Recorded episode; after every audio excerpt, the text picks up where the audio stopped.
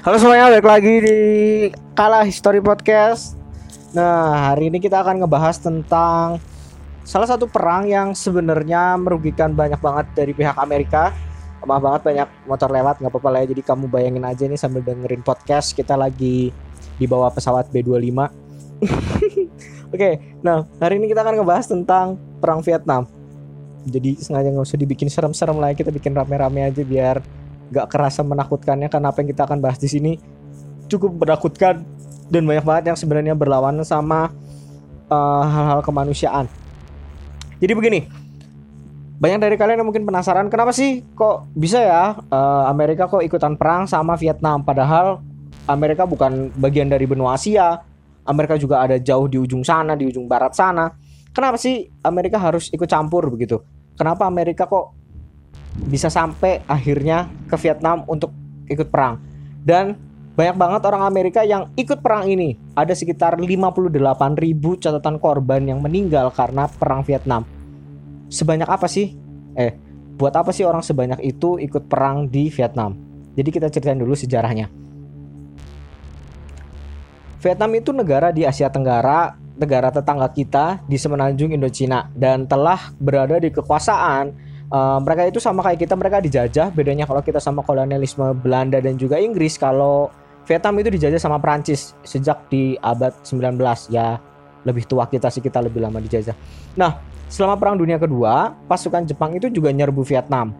Jadi saat itu kedudukan rakyat Vietnam boleh dibilang semakin menyedihkan. Udah mereka kena kolonialisme mereka juga diduduki sekarang sama Jepang. Dan pendudukan-pendudukan oleh negara-negara asing inilah yang membuat orang-orang Vietnam untuk membuat sebuah kegerakan. Salah satunya yang paling membuat kegerakan dan paling nyata adalah seorang pemuda yang bernama Ho Chi Minh. Nah, dia ini membuat sebuah gerakan karena dia terinspirasi oleh gerakan komunis Cina dan juga Uni Soviet. Akhirnya dia membentuk gerakan komunismenya sendiri yang diberi nama Viet Minh atau Liga Kemerdekaan Vietnam. Keadaan semakin membaik setelah kekalahan Jepang di tahun 1945. Begitu Jepang kalah, Jepang tarik pasukannya dari Vietnam. Jadi dia meninggalkan Kaisar Baodai. Kaisar Baodai ini adalah salah satu warga kerajaan yang saat itu memimpin Vietnam di bawah pendikteannya Prancis. Jadi bisa dibilang Kaisar Baodai ini adalah seorang kaisar boneka bikinannya Prancis. Setelah mereka ngelihat kalau Jepang udah mulai menarik pasukannya, si pasukan Viet Minh ini tadi bikinannya Ho Chi Minh menganggap ini sebagai sebuah kesempatan emas di mana mereka kemudian melakukan perlawanan terhadap Kaisar Bauda ini. Akhirnya mereka berhasil melakukan perlawanan dan mereka bisa merebut kota Hanoi bagian utara. Dan perebutan kota Hanoi bagian utara ini kemudian mereka lanjutkan dengan mendeklarasikan berdirinya Republik Demokratik Vietnam yang nanti kita akan singkat dengan nama DRV dan Ho Chi Minh sebagai presidennya. Tapi Prancis nggak tinggal diam karena Prancis kepengen mendapatkan kekuasaan itu lagi. Prancis kemudian mendukung Kaisar Bao untuk mendirikan negara Vietnam pada Juli 1949 dengan kota Saigon sebagai ibu kotanya.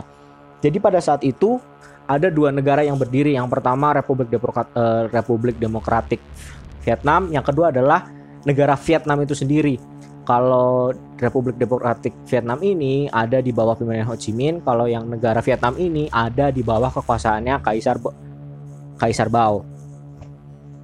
Sebenarnya kedua pihak ini sama-sama pengen Vietnam itu bersatu aja, nggak perlu pecah menjadi dua bagian seperti ini. Tapi keinginan ini harus terhalang. Kenapa? Pertama, karena si Vietnam Utara ini mereka punya dasar eh, kenegaraannya, mereka punya landasan kenegaraan itu mereka kepengen pakai komunis.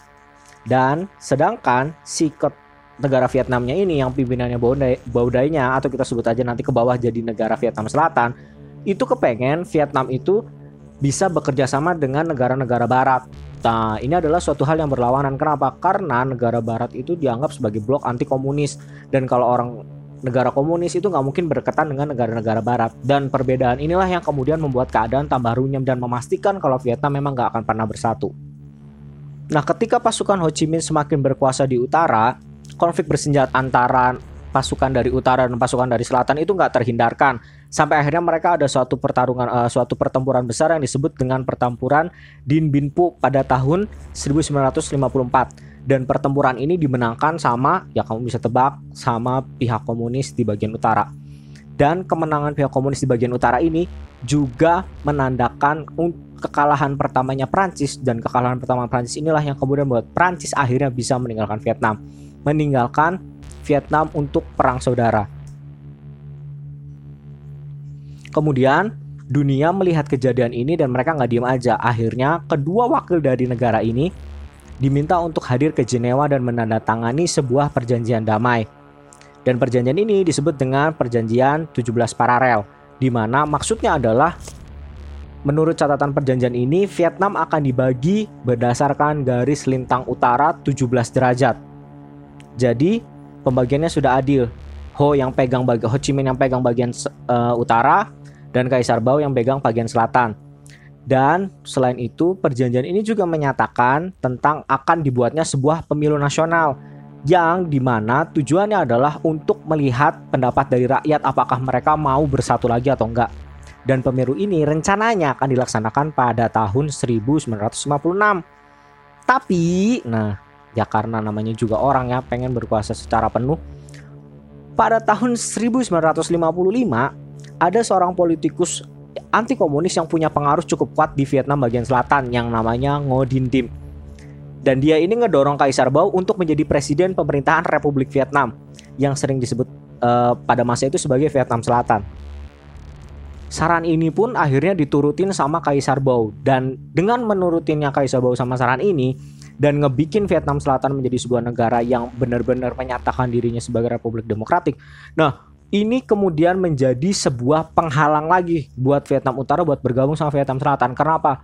Berarti secara nyata sekarang Vietnam Selatan menyatakan bahwa dirinya itu tidak mau menjadi bagian dari negara komunis, nggak pengen jadi negara yang punya uh, dasar negaranya komunis dan otomatis pemilu pada tahun 1956 bisa dibilang akan gagal terjadi. Yang menyedihkan sebenarnya konflik Vietnam ini itu dibarengi juga sama konflik yang lagi memanas di negara-negara superpower yaitu antara Uni Soviet sama Amerika Serikat di mana saat itu mereka sedang perang dingin. Kenapa bisa perang dingin? Uni Soviet itu sedang mencari negara-negara yang mereka bisa tanamkan paham komunisnya, sedangkan Amerika itu kapitalis saklek banget yang anti banget sama komunis. Dan kebencian ini, ketidaksukaannya Amerika sama komunisme ini dibuktikan dengan Amerika itu ngerombak kebijakan luar negerinya buat setiap sekutu Uni Soviet Berarti untuk setiap perjanjian dagang, untuk setiap perjanjian ekonomi, untuk setiap orang-orang, untuk setiap negara-negara yang ada di bawah kendali Uni Soviet, maka mereka akan dikenakan kebijakan yang berbeda dibanding dengan negara-negara lainnya yang tidak menganut paham komunis.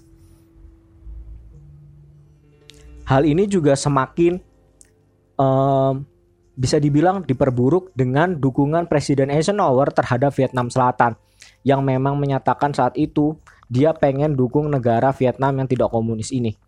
Biar komunisme Vietnam Utara tidak akan menyebar dan menjadikan seluruh negara Vietnam sebagai sebuah negara komunis.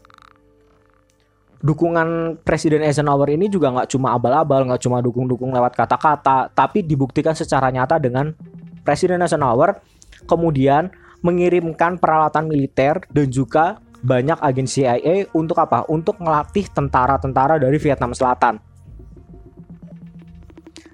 jadi memang Amerika menunjukkan sekali dirinya kalau nggak pengen sampai Vietnam ini jadi negara komunis. Setelah dapat dukungan dari Amerika, keadaan di Vietnam Selatan tidak berubah menjadi kondisi yang jauh lebih baik. Kenapa? Nah, masih ingat kan sama orang yang tadi namanya Ngodin Dim ini? Nah, Ngodin Dim ini setelah mendapatkan bantuan dari Amerika ini, setelah pasukan yang mendapatkan pelatihan, apa yang dilakuin? Dia itu nangkepin orang-orang simpatisan Vietnam Utara di Vietnam Selatan atau yang kemudian dia sebut dengan nama Viet Cong. Kok bisa sih ada orang simpatisan Vietnam Utara di Vietnam Selatan? Pasti adalah karena waktu Vietnam ini terpisah terjadi dua, kan semua penduduk tidak mungkin langsung yang suka utara akan langsung migrasi ke utara secepatnya. Tetap bakal ada orang-orang yang sebenarnya pro selatan di utara dan tetap ada orang-orang yang pro utara yang di selatan. Dan hal ini kemudian Dindim untuk nangkepin orang-orang Viet Cong ini. Jadi kalau ada orang-orang yang ketahuan Viet Cong sama dia akan ditangkepin, diinterogasi, yang lebih parah bisa sampai dieksekusi. Menurut catatan kurang lebih ada 100 ribu orang yang ditangkap, diinterogasi dengan brutal, kemudian harus dieksekusi dan mayatnya nggak tahu dibuang ke mana. Penangkapan-penangkapan inilah yang kemudian membangkitkan rakyat Vietnam lainnya pada tahun 1960. Jadi pada tahun 1960 muncullah sebuah organisasi yang namanya NFL atau Nation Liberation Front. Pada tahun 1960, karena begitu banyak musuhnya Ngodindim di Vietnam Selatan, maka timbullah sebuah kegerakan untuk melawan kekejaman Ngodindim ini. Nah, Orang-orang ini kemudian menamai dirinya sebagai dengan nama National Liberation Front atau Front Pembebasan Nasional. Front Pembebasan Nasional ini isinya adalah orang-orang yang menganut paham komunis dan juga orang-orang yang menganut paham non-komunis. Mereka ini berdiri, mereka ini bangkit karena tujuannya mereka adalah untuk menghentikan kekejamannya Ngodinim ini. Walaupun sebenarnya orang-orang di Washington percaya kalau NFL ini sebenarnya adalah orang-orang komunis yang berusaha terlihat tidak komunis. Jadi bisa dibilang bonekanya bon bonekanya dari Viet Minh ini. Setelah Presiden Eisenhower turun, kemudian Presiden Kennedy naik juga melakukan sikap yang sama terhadap hal ini. Bahkan dia lebih lagi menyatakan bahwa jangan sampai Vietnam ini bisa jatuh ke tangan komunis karena waktu itu dia dan para petingginya di Gedung Putih punya sebuah teori yang namanya teori domino. Kalau kamu tahu domino, domino itu kan adalah sebuah objek yang disusun berbaris panjang, kemudian kalau kamu jatuhin satu semuanya akan jatuh semua. Itulah teori yang dianut sama Kennedy. Kennedy bilang begini, karena negara-negara di Asia Tenggara ini satu rumpun, kemudian negara-negara di Asia Tenggara ini memiliki ke latar belakang kebudayaan yang bisa dibilang mirip, maka kalau satu negara terpengaruh komunis, maka negara-negara lainnya juga akan terpengaruh komunisme. Dan itu artinya komunisme akan menyebar di Asia Tenggara. Dan artinya lagi berarti musuhnya Amerika Serikat bakal tambah banyak. Itulah kenapa akhirnya Presiden Kennedy berusaha untuk terus memberikan bantuan pada Vietnam Selatan. Tidak hanya terhenti dari peralatan dan juga orang-orang yang akan ngelatih, tapi waktu tahun 1962 Presiden Kennedy langsung kirim 9.000 tentara ke Vietnam. Padahal sebelumnya yang dikirim itu paling cuma 800, 500, tapi kali ini dia langsung kirim 9.000 tentara dari Amerika Serikat ke Vietnam Selatan buat mengantisipasi biar Vietnam Selatan nggak sampai kalah perang lawan Vietnam Utara apakah bantuan-bantuan ini kemudian memperbaiki atau memperaman kondisi di Vietnam Selatan? Enggak, sayangnya enggak. Justru karena bantuan-bantuan dari Amerika ini, Ngodindim malah semakin berulah. Tindakan-tindakannya yang semena-mena terhadap Viet Cong semakin menjadi-jadi. Dan hal ini bahkan akhirnya berujung membuat beberapa jenderalnya melakukan kudeta terhadap dirinya karena dianggap apa yang dia lakukan sudah sangat jahat dan tidak manusiawi dan jenderal-jenderal ini ternyata juga sudah kena sama bujukan-bujukannya Vietnam Utara karena memang apa yang dia lihat ternyata memang sekejam itu loh si Ngodindim ini akhirnya mereka berhasil untuk dibujuk dan mereka akhirnya melakukan kudeta untuk ngebunuh Ngodindim. Apakah berhasil? Kudeta ini berhasil dan dan tidak hanya ngebunuh Ngodindim tapi juga suaranya si Ngodindu pada tahun 1963 dan pembunuhan mereka ini terjadi tiga minggu sebelum Presiden Kennedy juga dibunuh di Dallas, Texas.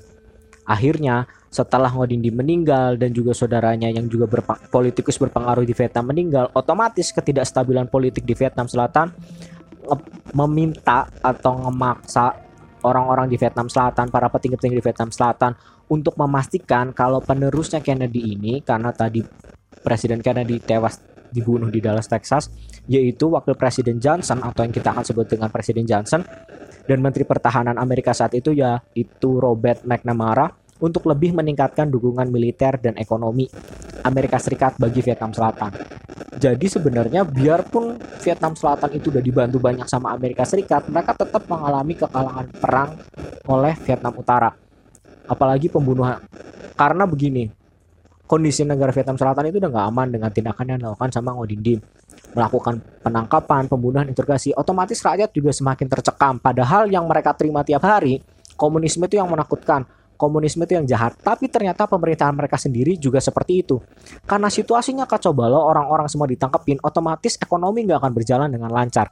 Loh bagaimana dengan orang-orang Amerika, bagaimana dengan pasukan Amerika yang dikirimkan ke Vietnam? Ya, mereka memang keren, mereka memang punya teknologi yang canggih. Tapi Vietnam Utara itu punya satu kelebihan yang nggak pernah bisa dilawan sama orang-orang Amerika yaitu apa? Medannya. Orang-orang Vietnam Utara lebih tahu. Oh, gunung ini kayak gini bentuknya. Hutan ini kayak gini bentuknya, kayak gini isinya, di mana ada binatang buasnya, di mana ada begininya. Nah, karena Amerika nggak ngerti medan perang yang otomatis setiap pertempuran dilakukan di Amerika yang kalah biarpun senjata mereka canggih-canggih biarpun mereka orang yang badan lebih gede-gede dan mungkin lebih kuat-kuat tapi karena mereka nggak tahu lahannya mereka nggak tahu medannya ya jadi mereka yang lebih sering digempur tiap hari. Belum lagi para tentara Vietcong ini mengalahkan Amerika tidak cuma lewat senjatanya tapi juga lewat jebakan-jebakan yang mengerikan. Ada banyak sekali macam jebakan yang dipakai sama tentara-tentara Vietcong untuk ngalahin Amerika dan ini berhasil Bahkan tentara Vietcong sampai saat ini itu masih punya kebanggaan di mana mereka bisa bikin terowongan yang cuma diketahui sama tentara Vietcong. Jadi mereka itu hidup di bawah tanah kayak tikus tanah dengan lorong-lorong dan mereka tahu lorong yang ini akan keluar ke mana. Jadi setiap mereka dikejar sama orang Amerika, mereka akan masuk ke lubang itu yang kemudian ditutup dengan rapat dan mereka nggak akan ketahuan kabur ke mana. Dan itu yang semakin memperburuk keadaan. Pertempuran paling puncaknya itu waktu bulan Agustus 1963, di mana ada perahu dari DRV atau tadi Republik Demokratik Vietnam itu menyerang dua kapal perusak Amerika Serikat di Teluk Tonkin. Akhirnya salah salah satu jenderal besar saat itu Amerika yaitu uh, akhirnya Presiden Johnson kemudian memerintahkan untuk melakukan pemboman pembalasan terhadap sasaran militer di Vietnam Utara. Waktu itu Kongres juga segera merapatkan bahwa Presiden Johnson diberikan hak untuk itu. Jadi Presiden Johnson waktu itu memberikan kekuatan perang yang luas kepada pesawat-pesawat Amerika Serikat untuk melakukan serangan bom reguler. Dan operasi ini dikasih nama Operasi Rolling Thunder. Jadi di saat itu seluruh daerah di Vietnam uh, Vietnam Utara itu dibombardir sama pesawat bom model B-25. Jadi itu memang bukan bom abal-abal, bukan bom yang kecil-kecil, tapi memang bom yang biasa yang memang digunakan untuk menggempur medan perang. Jadi bayangin hutan-hutan, rumah-rumah orang sipil itu terkena imbasnya untuk ini, sawah-sawah. Memang dilakukan secara membabi buta untuk memberikan serangan pembalasan. Karena kenapa ini dilakukan secara membabi buta? Karena mereka nggak tahu Viet Cong itu ngumpetnya di mana. Jadi kalau mereka lihat lahan yang dicurigai itu Viet Cong isinya ya udah dibombardir tempat itu sampai habis. Menurut catatan sejarah, selama tahun 1964 sampai 1973 di mana perang Vietnam berakhir, itu paling tidak ada 2 juta ton bom yang dijatuhkan di Vietnam Utara. Dan itu juga termasuk sama dijatuhkan juga di negara Laos. Loh, kenapa Laos kok kena imbasnya? Betul. Kenapa kena bisa imbas? Eh, kenapa bisa kenapa bisa kena imbas? Karena Laos waktu itu dianggap sebagai negara yang ngebantu Vietnam Utara. Karena Laos itu juga punya paham komunisme. Jadi mereka itu dianggap sebagai ngebantu si Vietnam Utara ini. Apalagi dengan dibilangnya ada yang namanya rumor itu namanya jalur Ho Chi Minh.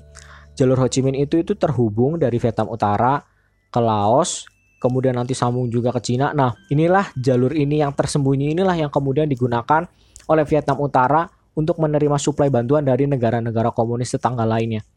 Jadi inilah alasan kenapa Laos juga kena imbasnya kena bom sama Amerika. Setelah tadi di tahun 1964 dibuat sebuah keputusan untuk melakukan bombardir terhadap Vietnam Utara di tahun 1965, Presiden Johnson juga membuat keputusan yang waktu itu cukup mengejutkan publik Amerika Serikat, yaitu dia akan ngirim pasukan ke Vietnam untuk menyerang Vietnam Utara. Pada bulan Juni itu ada sekitar 82 ribu pasukan tempur yang ditempatkan di Vietnam. Dan para pemimpin militer menyebutkan setidaknya ditambah lagi itu ada 175 ribu orang lagi untuk ditambah lagi setelah 85 ribu kemudian kemudian ditambah lagi 175 ribu untuk menopang Vietnam Selatan yang sedang berjuang lawan Vietnam Utara. Kalau tadi udah dijelaskan bagaimana pasukan udara dan juga pasukan laut ngegempur Vietnam bagian utara dan penggempuran itu nggak dilakukan juga sebatas lewat udara dan laut tapi juga lewat darat. Bahkan kemudian ada salah satu jenderal Amerika yang namanya William Westmoreland itu dia menyatakan dan setelah dia berdiskusi sama jenderal dari Vietnam Selatan yaitu Nguyen Van Theo di Saigon, dia itu berdiskusi tentang bagaimana cara mereka bisa mengempiskan perlawanan dari Vietnam Utara ini. Akhirnya setelah mereka ngobrol dibuatlah sebuah kebijakan yang namanya kebijakan konfrontasi. Kebijakan konfrontasi ini punya tujuan itu satu untuk ngebunuh pasukan musuh sebanyak mungkin. Jadi tujuan mereka buat ngebunuh pasukan musuh. Itu berarti pengamanan wilayah itu jadi hal nomor dua. Berarti otomatis mau wilayahnya hancur lebur kayak apa pun, yang penting musuh mati. Itulah tujuan utama yang dikejar sama Jenderal Westmoreland. Hal ini kemudian dibarengi dengan yang menyedihkan dari dibuatnya kebijakan ini adalah warga beberapa warga sipil juga ikut kena imbas untuk nggak um, sengaja kena peluru meleset gitu karena mereka nggak mengungsikan warga-warga sipil ini dulu tapi memang langsung dikeluarkan kebijakan ini yaudah mereka langsung turun aja langsung turun ke jalan mulai nyisir wilayah-wilayah yang dianggap sebagai tempat persembunyian Vietcong dan langsung ngebunuh mereka bahkan kemudian serangan ini diperburuk dengan bantuan pesawat pengebom B-52 jadi pesawat ini juga ngebom, orangnya juga jalan buat ngebunuh orang yang mungkin masih bisa sembunyi dari pesawat pembom. Ya memang keadaan saat itu porak-poranda sekali.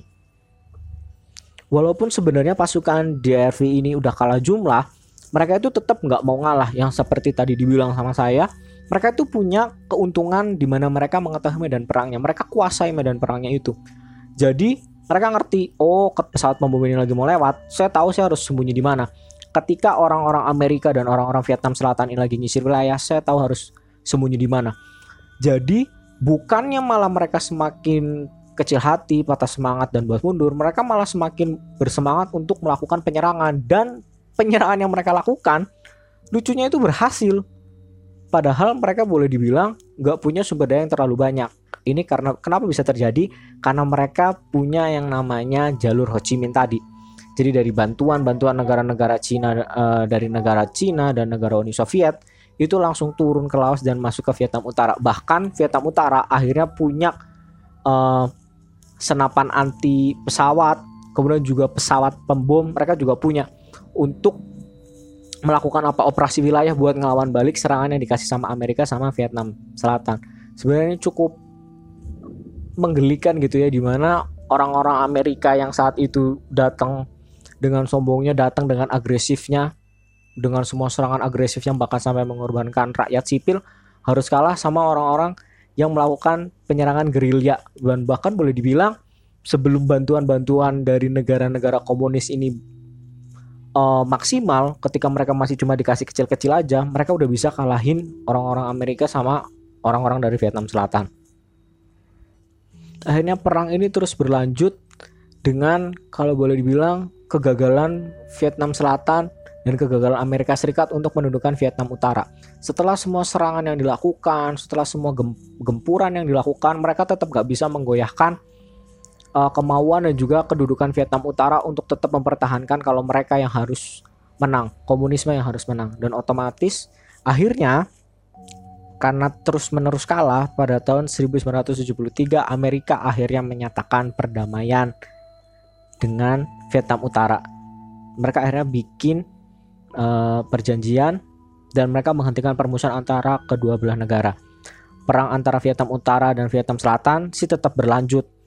Tapi paling enggak Amerika benar-benar ya sudahlah narik aja. Udah saya udah nggak bisa lagi terus-terusan begini karena Amerika udah rugi dana, rugi orang juga. Udah terlalu banyak orang Amerika yang meninggal di tanah Vietnam untuk melawan sesuatu yang sebenarnya bukan urusan mereka sama sekali begitu. Walaupun Amerika udah selesai, walaupun Amerika udah mengaku untuk menyatakan perdamaian terhadap Vietnam Utara, tapi Vietnam Selatan tetap melakukan perlawanan walaupun sudah tidak dapat bantuan dari Amerika Serikat. Akhirnya, pada tanggal 30 April 1975, pasukan DRV bisa mengalahkan pasukan dari Vietnam Selatan dan ngerebut ibu kota Vietnam Selatan saat itu yaitu Saigon dan ngerubah namanya jadi Ho Chi Minh City. Dan Pak Ho Chi Minhnya sendiri itu sebenarnya sudah meninggal dari tahun 1969.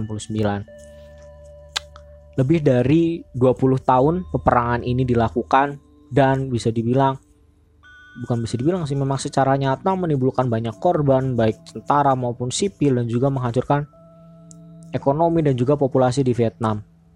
Paling enggak Menurut catatan ada 2 juta orang Vietnam yang terbunuh, sementara 3 juta orang lainnya terluka dan 12 juta lainnya itu menjadi pengungsi. Peperangan telah menghancurkan infrastruktur dan ekonomi negara dan akhirnya setelah kemenangan Vietnam Utara, mereka pun melakukan rekonstruksi perlahan-lahan. Kemudian pada tahun 1976, satu tahun setelah kemenangan DRV untuk merebut kota Saigon dan merubah namanya jadi Ho Chi Minh City, Vietnam, yaitu tadi Vietnam Selatan, akhirnya bergabung dengan Republik Sosialis Vietnam yaitu Vietnam Utara dan meskipun sebenarnya begitu mereka bergabung itu nggak semua keadaan berubah jadi aman, tetap ada beberapa kekerasan-kekerasan ya atas nama kepentingan politik sampai 15 tahun termasuk juga mereka akhirnya berkonflik sama negara Cina dan juga Kamboja. Akhirnya secara perlahan-lahan di tahun 1986 ekonomi Vietnam bisa mulai membaik. Karena ini mereka dapat dari ekspor minyak dan masuknya juga modal asing Kemudian juga mereka bikin hubungan diplomatik sama Amerika Serikat yang akhirnya juga ngebantu mereka cukup banyak di bidang ekonomi. Sedangkan Viet, uh, sedangkan untuk Amerika Serikat sendiri mereka itu paling nggak ngabisin 120 miliar US dollar waktu selama mereka perang di Vietnam itu dari tahun 1965 sampai 1973 Pengeluaran besar-besaran ini menyebabkan invasi yang meluas di Amerika dan diperburuk juga waktu itu sempat ada krisis minyak di seluruh dunia dan bikin harga BBM di Amerika Serikat itu melonjak tinggi. Sebenarnya tapi yang lebih menyedihkan adalah efek yang ditinggalkan gitu, efek yang sebenarnya tidak destruktif yang tidak kelihatan begitu nyata. Salah satunya itu kalau di Vietnam. Jadi begini. Tadi kalau saya pernah bahas gitu betapa Amerika itu menginginkan kemenangan di Vietnam, mereka itu pakai semua cara, tidak hanya menggunakan bom, kemudian senjata-senjata senjata mengerikan lainnya. Mereka juga pakai namanya senjata biologis. Jadi, senjata biologis ini ternyata tidak hanya digunakan untuk merusak saat itu, tapi tujuannya adalah jangka panjang. Nanti kalau kamu cari di internet, kalau kalian semua cari di internet, itu ada yang namanya uh, Agent Orange, di mana mereka itu, wah, Amerika itu pakai pesawat pembomnya itu pesawat pembom B-52 mereka akan terbang rendah kemudian akan ngelepas bubuk berwarna oranye atau gas berwarna oranye yang mirip kayak orang nyebar pupuk gitu. Ketika ini disebar dan terkontamina, uh, terkontaminasi ke tubuh akibatnya generasi-generasi Thailand yang uh, generasi-generasi Vietnam sorry yang lahir selanjutnya itu akan lahir dengan kecatatan genetika. Dan ini berlanjut sampai sekarang. Jadi gen cacatnya ini ke bawah terus sampai sekarang. Sedangkan buat Amerika Serikat sendiri bisa dibilang semua veteran yang pulang dari Vietnam itu mengalami serangan e, mengalami kerusakan psikologis. Bisa dibilang semua dari mereka itu kena yang namanya PTSD atau post traumatic syndrome. Dan PTSD ini kemudian ngebuat mereka jatuh ke dalam alkoholisme, ngebuat mereka jatuh ke dalam obat-obatan terlarang dan yang lebih menyedihkan adalah mereka harus jatuh ke dalam apa yang kita sebut dengan nama bunuh diri karena efek traumatis yang diberikan. Pada tahun 1982, Amerika memberikan sebuah penghormatan untuk setiap anak-anak bangsa yang meninggal di Perang Vietnam. Mereka bikin tugu peringatan veteran Vietnam di Washington DC yang di atasnya itu ditulis ada 57.939 pria dan juga Amerika, uh, wanita Amerika yang tewas atau hilang di dalam perang Vietnam ini. Kemudian ditambahkan lagi catatannya uh, diperbaharui ternyata ada menyentuh sampai ke angka 58.200 jiwa orang Amerika yang dinyatakan tewas maupun hilang selama perang Vietnam. Jadi dari sini kita bisa sama-sama belajar betapa merugikannya perang dan betapa menakutkannya efek paranoia yang ditimbulkan oleh sebuah bangsa karena takut ideologi musuhnya akan tersebar ke seluruh dunia. Ada sebuah uh, peribahasa Afrika yang pas dengan kondisi yang terjadi di Vietnam saat itu. Uh, peribahasa ini sendiri berbunyi ketika ada dua gajah yang berkelahi, maka yang menderita adalah rumput. Maksudnya gimana?